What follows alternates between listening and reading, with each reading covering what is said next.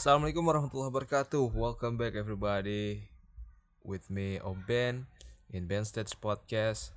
Kali ini episode 28 tanggal berapa nih? Tanggal selalu lupa tanggal saya ini. 3 Februari 2020 hari Senin. Roll the intro. Welcome to Ben Stage Podcast.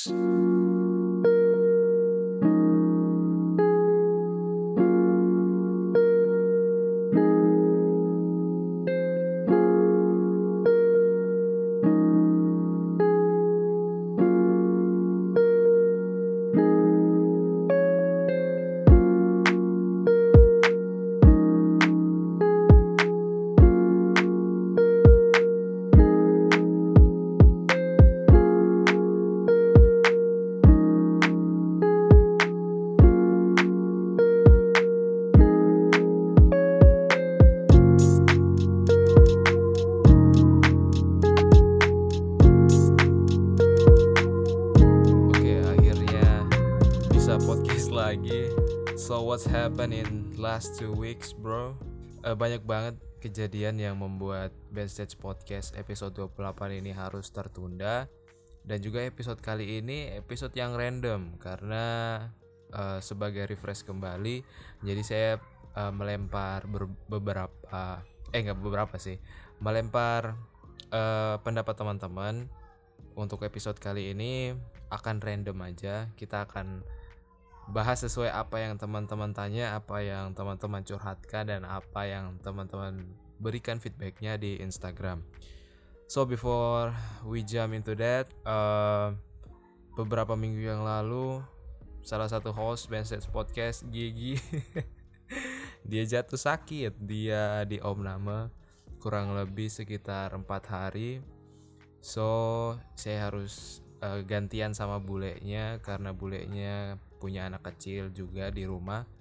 Jadi sering bolak-balik rumah sakit terutama waktu pagi. Dan alhamdulillah beliau sudah sehat kembali, beliau sudah ke kantor lagi. Jadi everything is fine right now. Dan after Gisda sakit, saya yang sakit. Gak tahu ya, mungkin karena kecapean atau mungkin memang imun tubuh lagi sakit eh, akhirnya drop drop karena penyakit yang bisa dibilang paling sering saya dapat yaitu cacar air tapi cacar air yang ini beda kalau di tempat saya itu disebut sebagai cacar ular jadi cacarnya itu dia melingkar di badan atau tidak muncul di daerah seperti ketiak, kemudian di dada ataupun di punggung. Nah, punyaku itu dia muncul di bagian pinggang belakang sampai perut bagian depan, jadi setengah badan. Konon katanya orang-orang di sini kalau bilang misalnya cacar air, eh cacar air, cacar ular tersebut antara ekor tanda kutip ekor dan kepalanya itu bertemu, maka langsung get out. tapi percaya nggak percaya sih namun alhamdulillah eh ini sudah mulai membaik cuma pengalaman pertama kalau bahasa medisnya itu dibilang sebagai herpes zoster. Nah kalau teman-teman dengar kata herpes itu kan kayak penyakit kelamin gitu kan. Kalau kalau saya dengar herpes pertama kali itu kata dokter gitu dia bilang "He- ini karena herpes zoster mas gitu. Dok saya kayaknya masih masih belum percaya kalau itu herpes dok. Soalnya saya masih perjaka ting-ting nih belum belum melakukan seks gitu dan ternyata emang herpes itu ada macam-macamnya yang her ah, yang menyerang kelamin itu namanya herpes genital jadi itu dikarenakan memang eh, akibat hubungan seks yang tidak sehat sedangkan eh, herpes zoster itu disebabkan oleh virus varicella zoster. Jadi emang dia bakal muncul ketika imun kita itu rendah. Dan rasanya bro, rasanya itu memang berbeda dengan cacar-cacar yang lain. Eh FYI aja sih udah kena cacar itu tiga kali. Eh semua mitos yang bilang seseorang itu harus kena cacar minimal satu kali. Saya dapatnya tiga kali ditambah eh, cacar ular ini. Pertama itu waktu kecil saya kena cacar. itu emang saya nggak tahu ya cuma kata orang tua pernah kena cacar waktu kecil kemudian SMP SMP itu saya juga kena cacar tapi kata dokter itu cacar monyet. Jadi cacar air cuma eh, gelembung atau cacarnya itu ukurannya gede-gede. Jadi dibilangnya cacar monyet. Itu kena dua kali dan kenanya itu waktu ujian nasional SMP jadi saya ujian nasional dulu itu pakai jaket hoodie gitu kayak udah kayak ninja dari Konoha yang pengen ujian nasional. Itu SMP dan ini sekitar berapa? Umur 25an ini kena lagi. Kena namanya eh, cacar ular. Dan rasanya itu kalau cacar air biasa kan itu dominan gatal ya. Gatalnya hebat banget di badan. Tetapi ini sakitnya melepuh. Sakitnya itu perih. Jadi misalnya kalian punya tangan kena apa ya lepuhan punya lepuhan kena apa misalnya kena plastik sampah yang dibakar kemudian melepuh kemudian kalian sentuh lukanya nah itu rasanya seperti itu. Jadi buat teman-teman biar nggak muncul jadi sebenarnya eh, herpes zoster atau cacar ular ini sebenarnya muncul karena kita sendiri sudah punya bibit cacar air sebelumnya. Nah bibit cacar air tersebut apabila diri kita atau badan kita lagi imunnya rendah dia akan mengaktifkan diri. Kata dokter solusinya yang pertama jaga kesehatan jangan begadang jangan terlalu capek kemudian bisa juga vaksin vaksin cacar. Nah itu mudah-mudahan teman teman-teman nggak nggak ngerasain hal itu karena butuh kesabaran yang ekstra.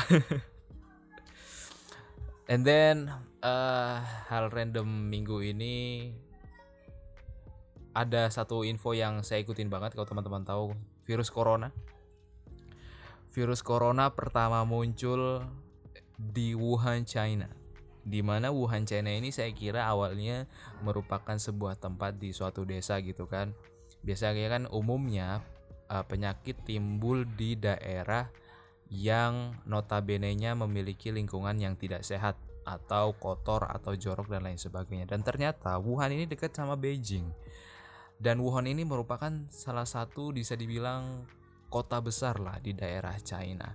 Dan kemunculan dari virus corona ini eh, berasal dari pasar hewan, pasar hewan-hewan liar, pasar hewan-hewan yang seharusnya tanda kutip seharusnya tidak dimakan, tetapi di sana diperjualbelikan, kemudian dimakan, kemudian dibunuh di sana, disembelih di sana dan tentunya dengan cara-cara yang bisa dibilang tidak berperi hewani karena saya pernah nonton itu video anjing, anjing mau dibeli sama pelanggan. Nah, dikeluarkan di kerangkengnya itu eh, si penjualnya ini udah megang semacam tongkat. Jadi ketika kepalanya udah keluar, jadi baru nongol dari apa kurungannya itu langsung digetok kepalanya.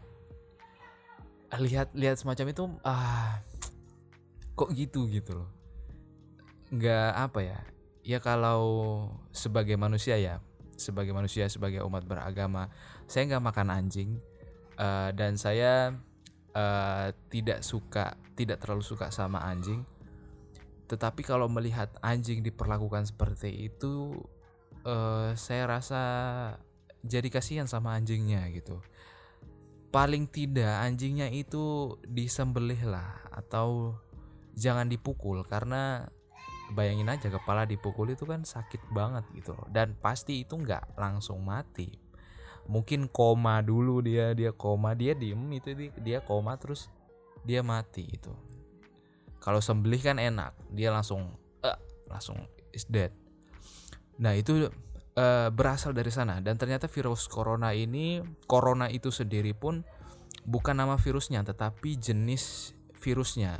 Jadi perkembangan virus corona ini yang pertama kalau teman-teman tahu di ta- ta- tahu di tahun 2002 itu ada namanya virus corona SARS. Jadi SARS ini berasal dari hewan liar juga, he- dari hewan liar yang berasal dari kelelawar. Jadi SARS ini mut- adalah mutasi dari virus yang ada di badan kelelawar kemudian entah dipegang atau entah dikonsumsi manusia mungkin dikonsumsi sih karena asalnya pun dari Cina dan tertular ke dalam diri manusia. Itu untuk SARS. Kemudian ada lagi namanya MERS. Jadi MERS ini juga eh merupakan salah satu virus corona tetapi dia berasal dari timur tengah yang ditularkan oleh unta. Jadi unta di Timur Tengah pada waktu itu uh, terkena virus corona dan diselidiki lagi unta tersebut tertular virus dari uh, bats. Saya nggak tahu ya bagaimana mutasinya kelelawar ke unta. Apakah mungkin lewat sentuhan karena unta kan nggak makan dagingnya. Nggak mungkin karena majikannya cekokin kelelawar ke dalam mulutnya unta kan nggak mungkin kemungkinan itu waktu malam hari mungkin batch batchnya itu hinggap di onta atau nyentuh onta atau kontak lainnya gitu jadi uh, menurun ke onta dan ketiga virus ini merupakan virus corona dan menyerang sistem pernapasan manusia dan ketika virus ini muncul di di Cina itu uh, banyak banget berita hoax yang bahkan sampai di daerahku ini ada ada info kalau virus corona itu masuk di salah satu rumah sakit. Sebagai orang yang sakit ya. Waktu itu saya kena cacar terus ada virus corona. Sebagai orang yang sakit saya langsung parno. Jadi setiap uh, mau makan mau nyentuh remote TV mau nyentuh kasur itu selalu cuci tangan. Habis pipis habis uh, buang air besar nah itu semua cuci tangan. Jadi hampir hampir cuci tangan setiap aktivitas yang berbeda apalagi kalau mau pegang mulut apalagi mau pegang telinga apalagi kalau dari luar. Nah itu mungkin sehari bisa 15 sampai 20 kali. Tapi alhamdulillah eh, ternyata saya mengikuti perkembangannya. Di Indonesia ini belum ada konfirmasi kasus yang apa ya yang secara fakta mengungkapkan bahwa ada warga Indonesia yang mengalami itu virus corona itu karena kan ada yang dari kalau nggak salah itu dari Bandung jadi diduga dia memiliki ciri-ciri atau keluhan-keluhan seperti penderita virus corona dan sejauh ini sih belum ada hasil yang menyatakan bahwa uh, warga tersebut positif. Dan ini juga terjadi apa ya? Bisa dibilang uh, penolakan dari warga Natuna terhadap warga Indonesia yang dievakuasi. Nah, ini saya masih ngikutin terus juga sejauh ini sih uh, uh, pemerintah mengatakan bahwa memastikan 200-an warga yang dari Wuhan China itu terbebas dari virus corona dan mudah-mudahan uh, warga Indonesia yang telah dijemput dari sana tidak membawa atau menjadi menjadi apa ya menjadi host dari virus corona tersebut. So teman-teman uh, jangan makan sembarangan, jaga kesehatan dan kalau mau ngapa-ngapain terutama melakukan aktivitas yang memasukkan sesuatu dari mulut atau memegang habis memegang sesuatu yang kotor harus cuci tangan. Kemudian ada lagi random stuff minggu-minggu ini yaitu muncul kerajaan-kerajaan fiktif. Sebenarnya ini lucu sih maksudnya uh, mungkin ya kata Pak Kapolri bilang gini zaman sekarang itu banyak banget orang yang mau jadi raja makanya muncul kerajaan-kerajaan fiktif. Padahal yang ingin jadi presiden juga banyak gitu. Aduh pak kapolri ini lucu juga sih.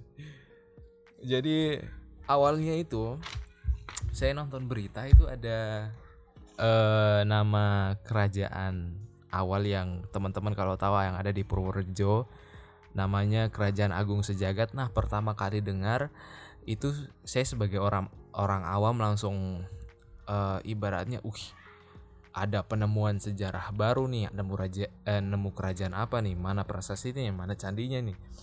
Kayak gitu.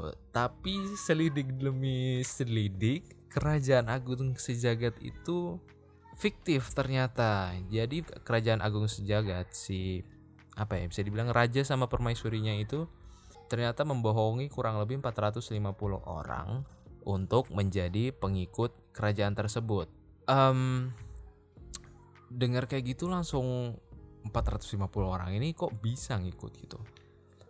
Mungkin karena budaya yang begitu kuat, budaya yang begitu kuat di lingkungan masyarakat terutama masyarakat Jawa. Saya sendiri sebagai orang Jawa pun mengakui bahwa kebudayaan di Jawa itu masih sangat-sangat kental dan ditambah dengan pengetahuan masyarakat yang minim sehingga sesuatu yang berhubungan dengan kerajaan, sesuatu yang berhubungan dengan ritual, sesuatu hal yang berhubungan dengan keagamaan itu memang sangat sakral dan memang nggak sembarang orang bisa membantah. Nah mungkin orang-orang ini pun menganggap bahwa kerajaan ini memang benar-benar ada karena si raja dan si permaisuri ini aktingnya hebat banget ya itu. Kerajaan agung sejagat. Nah itu saya sendiri sebagai orang awam pun awal mendengarnya itu pun ya cukup percaya karena namanya agung sejagat. Namanya kayak uh, Indonesia banget gitu beda lagi sama kerajaan Sunda Empire kesan pertama saya dengar nama Sunda Empire itu langsung keinget game PC dulu namanya Stronghold Crusader. Yang ada Raja Aladinnya. Jadi aduh saya beberapa kali nonton cuplikannya aja sih di ILC si Raja Sunda Empire ini. Jadi S SE atau Sunda Empire ini dibilang tuh kekaisaran matahari, kekaisaran bumi dan Sunda itu sendiri itu pun bagi mereka bukan bukan menuju kepada suku tetapi tindakan proses turun menurun dari kekaisaran dinasti ke dinasti di saat ini yang bernama Sunda Kala. Kalau menurutku orang orang ini jenius ya rajanya jenius. Jenius dalam artian begini dia sangat serius membawakan sesuatu hal yang lucu yang lucu kemudian. Tetapi dia membawakannya dengan begitu begitu seriusnya begitu menghayatinya. Dan dan saya akui pakaian dari kerajaan Sunda Empire ini keren banget gitu. Ada baretnya kemudian bajunya ada lambang NATO. NATO ya kalau di Bandung. Aduh. Kalau saya sih setuju sih sama omongannya Pak Jokowi sih. Pak Jokowi itu dengar uh, diminta keterangan mengenai Sunda Empire ini beliau bilang, dia bilang, "Ya, itu hanya hiburan saja." Emang memang benar kayak hiburan sih. Jadi ketika dia di di ILC itu sebenarnya jadi hiburan karena uh, ini adalah pseudo sejarah yaitu sejarah yang dibuat-buat atau sejarah yang tidak ada sebelumnya kemudian diceritakan kembali seolah-olah ada gitu. Ya intinya fiktif lah. Dan beberapa budayawan, sejarawan yang mempelajari tentang uh, sejarah kerajaan, kerajaan di Indonesia itu mengatakan bahwa Sunda Empire itu nggak ada. Tetapi si raja dari Sunda Empire saya lupa namanya bapak siapa. Nah bapak ini bapak Sunda Empire kita bilang bapak Sunda Empire ya. Bapak Sunda Empire ini menjelaskan dari kekaisaran dinasti kemudian kerajaan bumi dan langit itu seolah-olah uh, memang ada gitu. Itu yang yang yang saya acungi jempol sih dari dari bapak ini. Namun pada akhirnya beliau tetap masuk penjara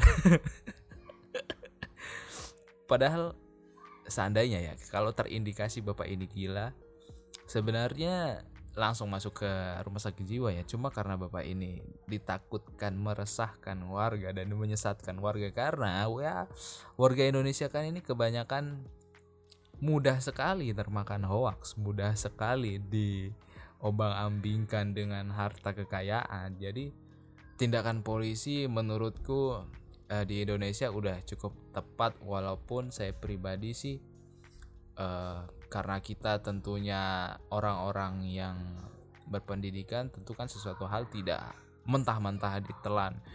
Saya nganggapnya itu sebagai sebuah lelucon jadi lucu aja gitu. Dia ngomong itu kayak ngalor ngidul kita hah? Hah? Ngomong apa sih? Tapi ya lucu-lucu aja gitu loh. Aduh itu kerajaan Sunda Empire. Terus ada kerajaan apa lagi? Saya udah nggak ngikutin lagi tuh setelah Sunda Empire karena sudah pasti fiktif gitu. Em,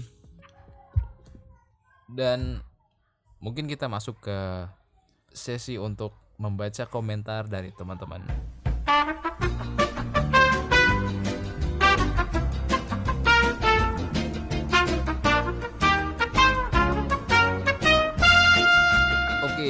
Em, yang pertama dari HW.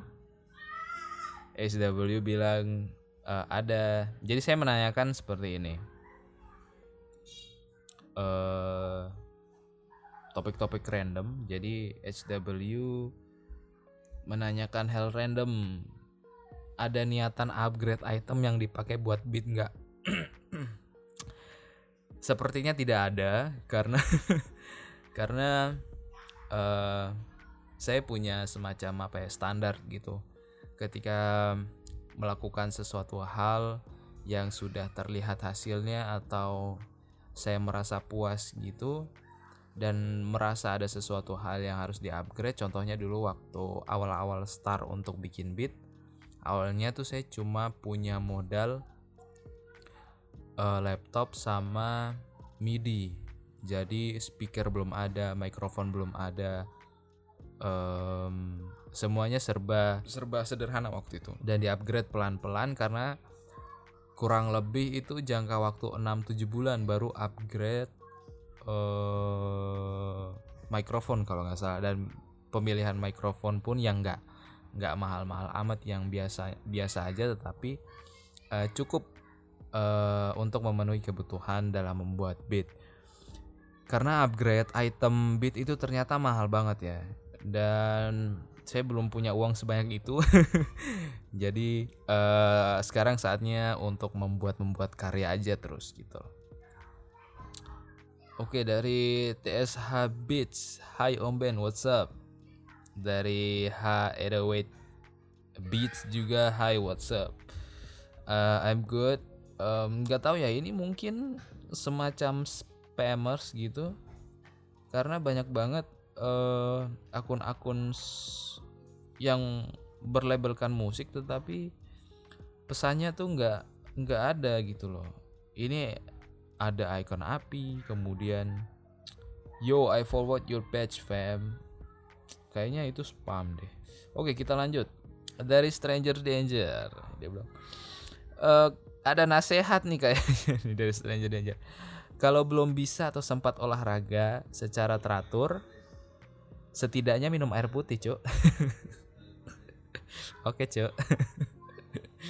Siap. Kemudian dari Fadli Nur Eh, bikin beat yang koplo dong om. Eh insya Allah ya next time atau next month maybe eh, bikin beat yang koplo. Ternyata bikin beat koplo itu bisa loh bikin di FL Studio. Jadi itu ada semacam sample pack gitu. Jadi dari sampel gendang yang yang para gendangers main itu disampling terus dibuat semacam pattern gendang di FL Studio. Ya nanti kita akan coba membuat beat eh, menggunakan eh, FL Studio dengan genre koplo. Oke, pertanyaan berikutnya lagi dari Bang Hendra. Waduh, Bang Hendra, pertanyaannya berat. Jadi Bang Hendra bilang gini, eh gimana pandangan dan saran mengenai rasa takut dalam hal memilih menikah? Bang Hendra, saya belum menikah. Em, eh, pertama-tama Bang Hendra, eh, saya bukan expert di dalam hal ini, tetapi kalau misalnya Bang Hendra ingin mendengarkan tanggapan dari eh, Om Ben, eh, Jadi mengenai rasa takut dalam hal memilih menikah. Uh, kalau kita takut akan menikah, kemungkinan um, kita mempunyai hal-hal di masa lalu yang membuat kita takut untuk menikah. Kita harus cari tahu dulu rasa takut itu apa. Contoh misalnya mungkin kita trauma trauma ibaratnya dengan pernikahan orang tua kita yang yang mohon maaf kalau break gitu. Atau enggak salah satu keluarga kita atau orang-orang di sekitar kita yang setelah menikah bukan bahagia tetapi malah bersedih cari tahu, kemudian konsultasi kepada orang-orang yang tepat atau orang-orang yang menurutmu cukup bijak terhadap pernikahan. Karena kalau orang buta tuntun orang buta ya sama-sama masuk jurang gitu. Jadi mungkin Bang Hendra uh, mencari tahu rasa takutnya. Kalau misalnya rasa takutnya karena pekerjaan atau karena hal-hal lain yang bersifat materi atau sebuah target, nggak apa-apa dituliskan target-target tersebut. Misalnya uh, saya siap untuk menikah apabila saya sudah bekerja di perusahaan misalnya. Atau saya sudah bekerja jadi PNS misalnya. Atau saya sudah membahagiakan orang tua saya menaikkan orang tua saya ke ke tanah suci atau enggak saya sudah berhasil menyekolahkan adik-adik saya. Nah itu nggak apa-apa. Dan hal-hal tersebut bisa dikonsultasikan terhadap pasangan sehingga pasangan pun bisa mengerti proses kita mungkin memakan waktu yang cukup lama sehingga pasangan kita pun eh, apa ya ibaratnya tidak menarap mengharapkan sesuatu yang tidak pasti karena kita tidak memberikan alasan alasan-alasan yang membuat hubungan kita menjadi lama. Atau enggak mungkin kalau misalnya kita takut dalam menikah karena asumsi-asumsi kita terhadap orang tua si pasangan itu ya mungkin nggak direstui gitu ya diri kita. Namun kalau masih sekedar asumsi, sebaiknya diobrolkan aja sama pasangan karena eh, pasangan tersebut atau pasangan kita itu akan memberi gambaran-gambaran yang tidak kita tahu. Jadi semacam hal-hal kecil, mungkin gestur atau mungkin obrolan di meja makan yang ketika kita tidak ada di situ, kita, uh, eh, pasangan kita ada di situ tentunya karena keluarganya.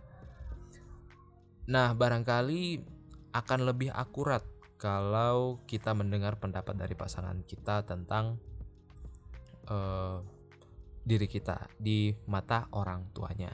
Jadi gitu, Bang Hendra uh, mungkin itu mencari tahu apa rasa takutnya kemudian setelah kita tahu rasa takutnya A B C nah kemudian kita mencari solusinya. Saya harap uh, ini bisa membantu atau paling enggak bisa menjadi apa ya pertimbangan dari Bang Hendra. Dan kalau misalnya Bang Hendra menikah jangan lupa undang-undang ya. Kemudian ada pertanyaan dari Chandra Manalu. Uh, Chandra bilang gini toxic friend lebih rinci lagi toxic friend eh, nggak uh, perlu rinci. Toxic friend itu udah jelas. Jadi toxic friend itu salah satu yang jelas itu yang paling banyak nih.